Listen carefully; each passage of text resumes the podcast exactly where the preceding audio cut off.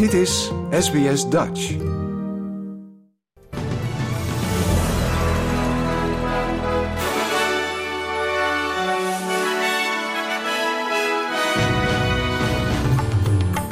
Dit zijn de headlines van het SBS Dutch News Bulletin van zaterdag 22 oktober. Zware regen en overstromingen treffen verschillende staten. Donald Trump gedagvaard om te getuigen in zaken de aanval op het Capitool. En Canada voert een strenge wapenwet in.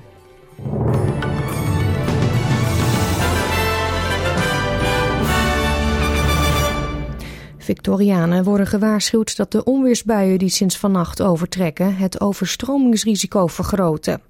In de afgelopen 24 uur kreeg de staat weer veel regen te voortduren, met daarbij dus ook onweer.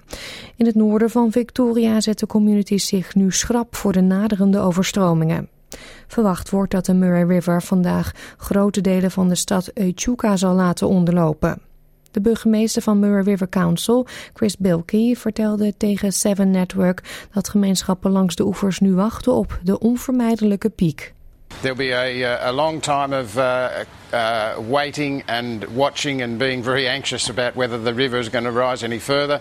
And then, most importantly, there'll be a, a big long period of cleaning up after it eventually does go mm. down. Mm. The community, in the meantime, has done fantastic efforts on both sides of the river to get sandbags out around the uh, vulnerable houses. But uh, this, is, this is something that's going to be around for a few more weeks yet. In New South Wales zijn vannacht de noordwestelijke delen geteisterd door hevige regenbuien.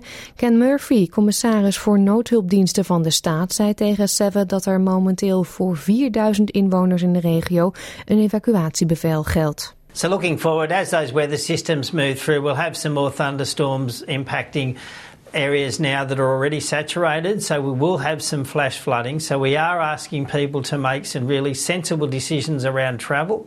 Ensure that you're well informed of the weather conditions in your local area. So be prepared to be prepared. De overstromingen bereiken inmiddels ook het zuiden van Queensland. In de Lockyer Valley staan sommige wegen al onder water. En in Tasmanië roepen de hulpdiensten de burgers op om zich dit weekend voor te bereiden op meer regen en verhoogde overstromingsrisico's. De onderzoekscommissie van het Huis van Afgevaardigden, die de aanval van 6 januari op het Amerikaanse kapitool onderzoekt, heeft gisteren een dagvaarding uitgevaardigd aan Donald Trump. De oud-president zou volgens de commissie de aanval persoonlijk georchestreerd hebben in een poging om de verkiezingsuitslag van 2020 ongedaan te maken. De commissie, bestaande uit negen leden, eist in een brief dat Trump voor 14 november onder Ede zal getuigen.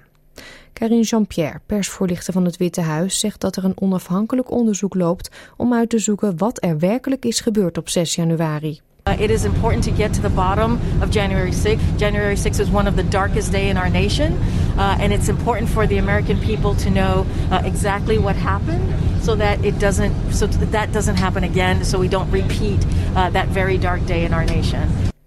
De FBI heeft tijdens de huiszoeking in augustus in het huis van Donald Trump in Florida zeer gevoelige informatie over Iran en China gevonden. Dat meldt de Washington Post. Er werden onder meer geheime documenten gevonden waarin het inlichtingenwerk van met betrekking tot China werd beschreven en het raketprogramma van Iran. Het vrijgeven van deze informatie zou meerdere risico's met zich meebrengen, waaronder het in gevaar brengen van mensen die de Amerikaanse inlichtingendiensten helpen. Het ministerie van Justitie onderzoekt of Trump de wet heeft overtreden door die overheidsdocumenten waarvan er honderd geheim zijn mee te nemen naar zijn landgoed in Florida nadat hij in januari 2021 zijn ambt had verlaten. In Canada is gisteren wetgeving van kracht geworden die de verkoop, aankoop of overdracht van pistolen verbiedt. Het nieuws werd bekendgemaakt door premier Justin Trudeau. In May, our government introduced measures to implement a national freeze on handgun ownership. Today, our national freeze on handguns is coming into force. From today forward, it is no longer legal to buy, sell, or transfer a handgun in Canada. Canada heeft strengere wapenwetten dan de VS, maar Canadezen mochten vuurwapens bezitten met een vergunning. De liberale regering van Justin Trudeau introduceerde het wetsvoorstel om het wapengeweld te bestrijden. Want hoewel het aantal moorden met vuurwapens in Canada een fractie is van het percentage in de VS, is het nog steeds hoger dan in andere rijke landen en loopt het aantal op. Een tiener die wordt beschuldigd van het vermoorden van vier medestudenten en het verwonden van meerdere mensen op een middelbare school in Michigan zal maandag naar verwachting schuldig pleiten aan alle 24 aanklachten. De 16-jarige Ethan Crumbly maakte vorig jaar november beelden van geweld in zijn klas en pleegde uren later een massale schietpartij. Rechter Quamrow van de Oakland County Circuit Court heeft besloten Crumbly in de county gevangenis te behouden. The court does not see any reason to change its prior ruling as it relates to the defendant's placement at the Oakland County Jail, and therefore the defendant will continue to be placed at the Oakland County Jail. Ook de ouders van de jongen zijn aangeklaagd. Ze worden beschuldigd van onvrijwillige doodslag, het toegankelijk maken van een pistool voor Ethan en het negeren van zijn behoefte aan geestelijke gezondheidszorg. Beide ouders ontkennen dat ze wisten van het plan van hun zoon om mensen te doden.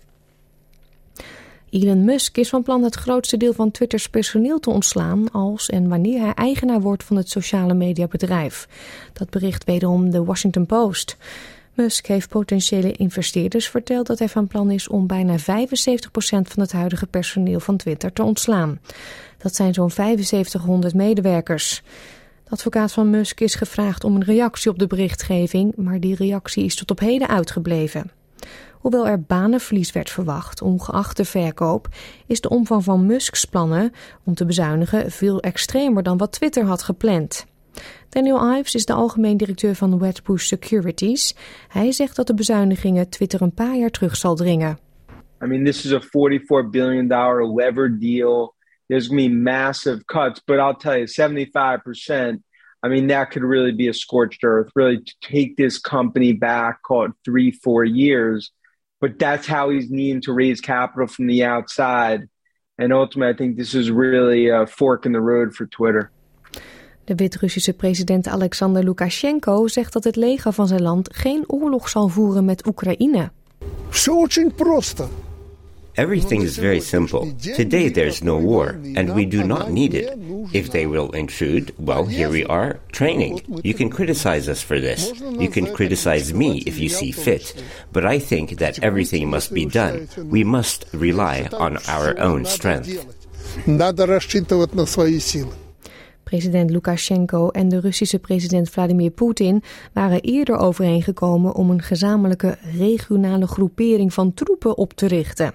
Dit betekent dat 9000 Russische soldaten zullen worden ingezet in Wit-Rusland, terwijl nog eens 170 tanks en 200 gepantserde voertuigen in het land zullen aankomen.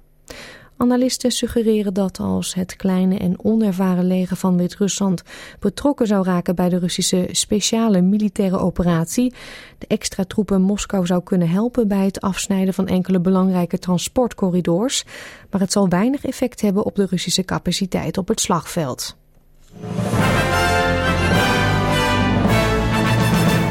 Het weerbericht dan nog voor vandaag. In Perth is het gedeeltelijk bewolkt en wordt het 24 graden. Adelaide, daar kans op een bui, 21.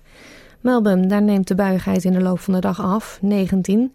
Hobart, regen, ook 19 graden. Canberra, buien mogelijk met onweer, 21. Wollongong, daar nemen de buien toe, 23. Ook in Sydney wordt het in de loop van de dag natter, 25. Hetzelfde geldt voor Newcastle, 27. Brisbane, buien, 23 graden. Cairns overwegend zonnig, 33 en in Darwin kans op onweer bij 35 graden. Dit was het SBS Dutch News.